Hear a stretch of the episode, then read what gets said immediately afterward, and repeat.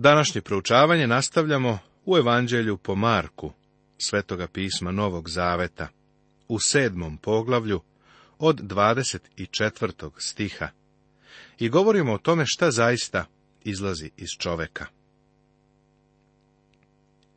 Tvrdim ti da kada bi ujutro kupio novine i pročitao, gde god da živiš, otkrio bi da je ovo ono što izlazi iz čoveka u toku proteklih 24 časa. Zle misli. Ubijstva. Ljutnje je također ubijstvo. Preljube i blud. Nezakonit seksualni odnos. Krađe. Ovome pripada besposličenje na poslu. Lakomstvo. Grabljenje i pohlepa za materijalnim stvarima i položajem zloća. Sva dela s namerom da se ljudi povrede. Prevare, pretvaranja, raspojasanost, senzualnost, zavist ili ti zlo oko, hula, klevetanje Boga, oholost, Bog iznad svega ovo mrzi, bezumlje, čin koji se sprovodi bez ikakvog poštovanja Boga ili čoveka. Sve ovo izlazi iz srca čoveka. Pa je zato gospod Isus rekao, morate se ponovo roditi. I ustavši, ode odande u krajeve Tira i Sidona. I ušavši u jednu kuću, hteo je da niko ne dozna, ali nije mogao, da bude skriven. Nego odmah ču za njega jedna žena, čija čerčica i mađaše nečistoga duha. Ona dođe i pade pred noge njegove. A ta žena beše boškinja rodom sirofeničanka, i moljaše ga da istera demona iz njene čerke. A on joj reče, pusti da se najpre nahrane deca, jer nije dobro uzeti dečiji hleb i baciti psima. Ona pak odgovori i reče mu, da, gospode, ali i psi pod stolom jedu od dečijih mrvica. I reče joj, zbog ove reči idi, izišao je demon iz tvoje kćeri. I otišavši kući nađe dete kako leži na postelji a demon je izišao. Ovaj događaj smo i ranije imali. Sjetit ćeš se da je gospod izašao iz svoje zemlje i susreo se sa ovom ženom koja je bila Grkinja iz grada Tira. Došla je Isusu u veri. Reč kći je ovde u deminutivu, što znači da je bila devojčica. U početku način na koji je gospod sa njom postupao može delovati grubo. Ali seti se da kada smo proučavali Matejevo evanđelje, pokazali smo tumačenje koje je u stvari otkrivenje izvanredne istine. Mislim da je i ovde otkriveno nešto izvanredno, a to je tačnost četiri evanđelja. Ova žena je izvanredan primjer vere u onoga koji živi izvan svoje zemlje. Gospod je odgovorio na njenu molbu. Čovek se prosto pita da li je Isus došao u taj kraj samo da bi odgovorio na veru ove žene. I opet, izišavši iz krajeva Tira, dođe preko Sidona na Galilejsko more, usred krajeva Dekapolja. Isus napušta Tir i Sidon i odlazi u Dekapolje, na putu ka Galilejskom moru. Dekapolje je oblast, koja u sebi se drži deset gradova, uglavnom istočno od Jordana. U oblasti blizu Galilejskog mora. Lista sadrži sljedeće gradove. Skitopolis, Hipos, Pelu, Damask, Gerasu, Gadaru, Rafanu, Dion, Kanatu i Filadelfiju. Bio sam na ruševinama Gerase ili Jeriša, kako ga danas zovu. Pomislio sam, ljudi, ovo je jedno od mesta na kome je moj gospod bio i gde je poučavao. U toj oblasti on je obavljao izvanrednu službu. Mase ljudi su dolazile u te gradove. I dovedoše mu jednog gluvog i mutavog, te ga zamoliše da stavi ruku na njega i uzevši ga iz naroda, nasamo, stavi svoje prste u njegove uši, pa pljunu i dotače njegov jezik, pogleda na nebo i uzdahnu. Te mu reče Efata, što znači otvori se. I odmah mu se otvoriše uši, razreši se veza njegova jezika, te govoraše pravilno i zapreti im da nikome ne govore. No koliko im je on naređivao, oni sve više objavljivahu. I divljahu se preko svake mere, govoreći, sve je dobro učinio, i gluve čini da čuju, i neme da govore. Ako mogu da kažem, sve ovo što je on uradio, uradio je da bi potpomogao veru. Smisao ovoga nam otkriva činjenicu da je stanje ovog čoveka uslovilo da Isus primeni ovaj metod. Prvo su se otvorile njegove uši da bi čuo. Posle ovoga je verovatno bilo bezvredno truditi se da se gomila smiri. Baš ovo čudo dalo je veliki podsticaj širenju Isusove službe, koja je već prevazišla sve granice. U ovo vreme pritisak na Isusa je bio ljudski nemoguće podneti.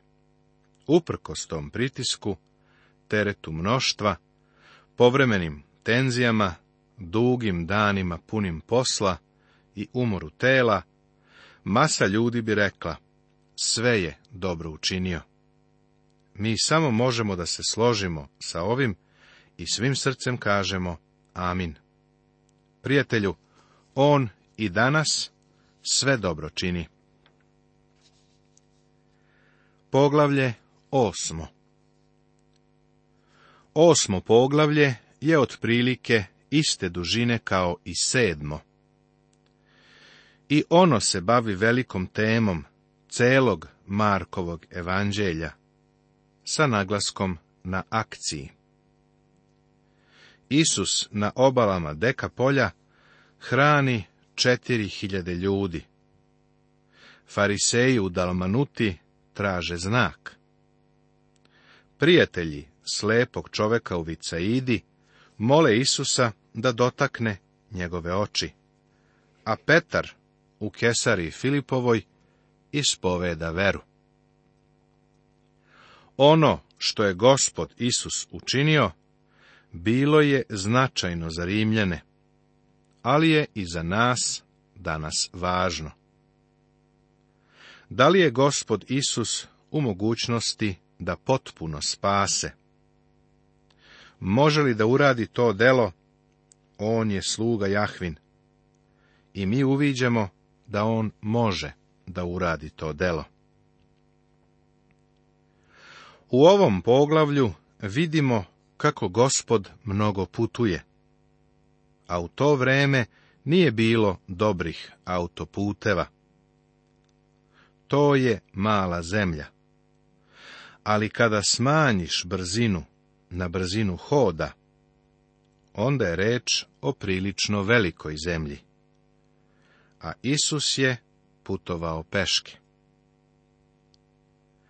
Neki smatraju da je događaj u kome Isus hrani četiri hiljade ljudi, a kojim započinje ovo poglavlje, da predstavlja dupliciranje događaja kada je nahranjeno pet hiljada ljudi, pa ga praktično zanemaruju. Ovo je navelo neke da kažu da ovaj događaj predstavlja zanemareno Isusovo čudo. Kada kritičar dođe do ove parabole, on se, kao i obično, trudi da iz nje izbaci sve što je nadprirodno. Način na koji kritičar objašnjava ovo čudo jeste da se ono desilo nakon hranjenja pet hiljada ljudi, da bi potvrdili tvrdnju apostola da je Isus bio čudotvorac. Ako je ovo tačno, drugo čudo bi bilo veće od prvog. Umesto četiri bilo bi ih skoro deset hiljada. Kada ljudi izmišljaju, onda i preteruju. Ali ovdje ipak postoji ograničenje. Dva čuda, u kojima je Isus nahranio mnoštvo ljudi, su vrlo slična zbog nekoliko osobina hrani hiljade ljudi, jednom pet, drugi put četiri hiljade. Ali postoji i sedam razlika na koje treba da obratimo pažnju. U prvom slučaju narod je bio sa Isusom jedan dan, u drugom tri dana. Druga razlika. U prvom slučaju učenicima je rečeno da idu i vide, šta mogu da nabave. Dok su u drugom slučaju već imali spremnu informaciju još pre nego što se od njih tražila. Treća razlika. Kada je pet hiljada ljudi nahranjeno, to je učinjeno sa pet hlebova i dve ribe, a četiri hiljade ljudi su nahranjene sa sedam hlebova i nekoliko riba. Četvrta razlika. Prvi put, neposredno pre pashe, mnoštvo je kazano da sednu po grupama po zelenoj travi. A drugi put, kasnije te godine, kada je zelenilo bliskog istoka skoro sprženo orijentalnim suncem, rečeno im je da sednu na zemlju. Peta razlika. U prvom slučaju gospod je blagoslovio hlebove, dok je u drugom zahvalio prvo za hlebove, a kasnije je blagoslovio ribu. Šesta razlika. Nakon što je nahranio pet hiljada ljudi, ostalo je dvanaest kotarica onoga što je preteklo, a kada je nahranio četiri hiljade ljudi, preteklo je sedam kotarica. I sedma razlika, očigledno je da je broj nahranjenih ljudi u oba slučaja bio različit. Izgleda da se pronalazi oštar kontrast između ova dva slučaja kada je Isus nahranio mnoštva naroda. U prvom slučaju sa pet hiljada ljudi, to se desilo pri kraju prvoga dana. Isus ih je poučavao, ali prema Jovanu, prvo ih je nahranio, a onda im izneo besedu o hlebu života. Ovaj važni govor bio je neka vrsta govora nakon večere. Kada je nahranio četiri hiljade ljudi, mnoštvo je sa Isusom bilo tri dana i slušalo njegova poučavanja. Fizička hrana je usledila nakon poučavanja. Drugim rečima, mnoštvo nije došlo da jede, nego da sluša Isusovo poučavanje. Mislim da je ovo za nas značajna lekcija da li crkvene obede koristimo da bismo privukli mnoštvo? Ako je tako, onda je naš motiv pogrešan. Mnoge crkve sredinom nedelje mogu da okupe ljude jedino ako imaju gozbu. Neki biblijski časovi zavise od hrane koja će ljude privući da dođu i čuju poruku. Da li Bog može da blagoslovi ovakve poduhvate, uprkos tome koliko su motivi čisti? Pa, kasnije ću na ovo odgovoriti. Cilj ne opravdava uvek sredstvo. Sada kada počnemo da čitamo, zapazi da se u one dane odnosi na vreme koje je Isus proveo u Dekapolju. Očito je da je mnoštvo ljudi pratilo Isusa u pustinju, koja je bila pogodno mesto za poučavanje, ali nije bila dobro mesto za snabdevanje. Sada ga slede velika mnoštva. U one dane, kada opet beše mnogo naroda i ne imađahu šta jesti, dozva učenike i reče im, žao mi je naroda, što su već tri dana stalno uz mene i nemaju šta da jedu. Ako ih otpustim gladne kućama njihovim, malaksaće će na putu. Neki od njih su došli iz daleka. I odgovoriše mu njegovi učenici. Otkud može ko da ih nahrani hlebovima ovde u pustinji? I pita ih koliko hlebova imate? A oni rekoše sedam. Tada naredi narodu da poseda po zemlji.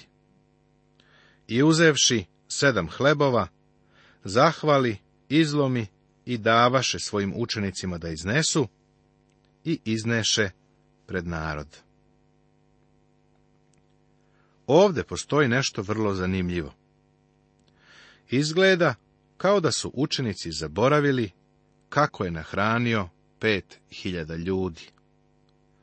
Mišljenja sam da mnogi od nas imaju isto iskustvo.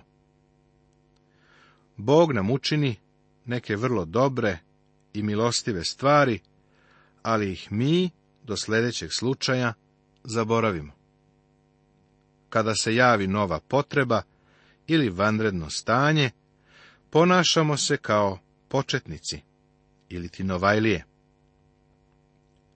To je slučaj i sa mnom, pošto povremeno idem na snimanje pluća, da bi se videlo da li se rak proširio. Svaki put je to za mene novo iskustvo. I moram priznati da sam svaki put ponovo prestravljen. Tako da stvarno razumem osjećanja učenika. Proverili su šta narod ima i saznali koliko je tamo bilo hlebova. Možda su očekivali da Isus ponovi čudo sa pet hiljada ljudi. Ovaj put je bilo više hlebova za manje ljudi, ali je i dalje važilo ono. Šta je to za toliko ljudi? I ko je ovog puta imao hlebove? Neka nepoznata osoba im je dala, pa čak iako ne znamo ko je to, ta osoba će jednoga dana za to biti nagrađena. U ovom slučaju su posedali po goloj zemlji. Dok su kod grupe od pet hiljada posedali po zelenoj travi, kao što sam već spomenuo. Koliko je bilo riba? Kaže samo malo ribica. Broj je stvarno nevažan, pa Isus nije ni brojao ribe kada je Bog u nešto uključen, vidjet ćeš da uvek pretiče. Bez obzira da li je nahranio pet ili četiri hiljade ljudi, nije im dao užinu, nego ceo obrok.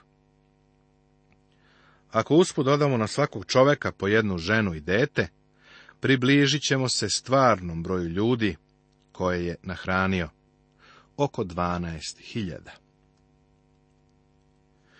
i odmah uđe u čamac sa svojim učenicima, te dođe u okolinu Dalmanute. Lokaciju Dalmanute ne možemo precizno odrediti. Ovo mesto se nalazilo na obali Galilejskog mora, pa su oni morali da pređu preko mora da bi do tamo stigli, što znači da su stigli na zapadnu obalu putovali su čamcem, a mesto je očigledno bilo negde na severozapadu obale. Agenti mržnje su mu ponovo na tragu. Nastavit će se.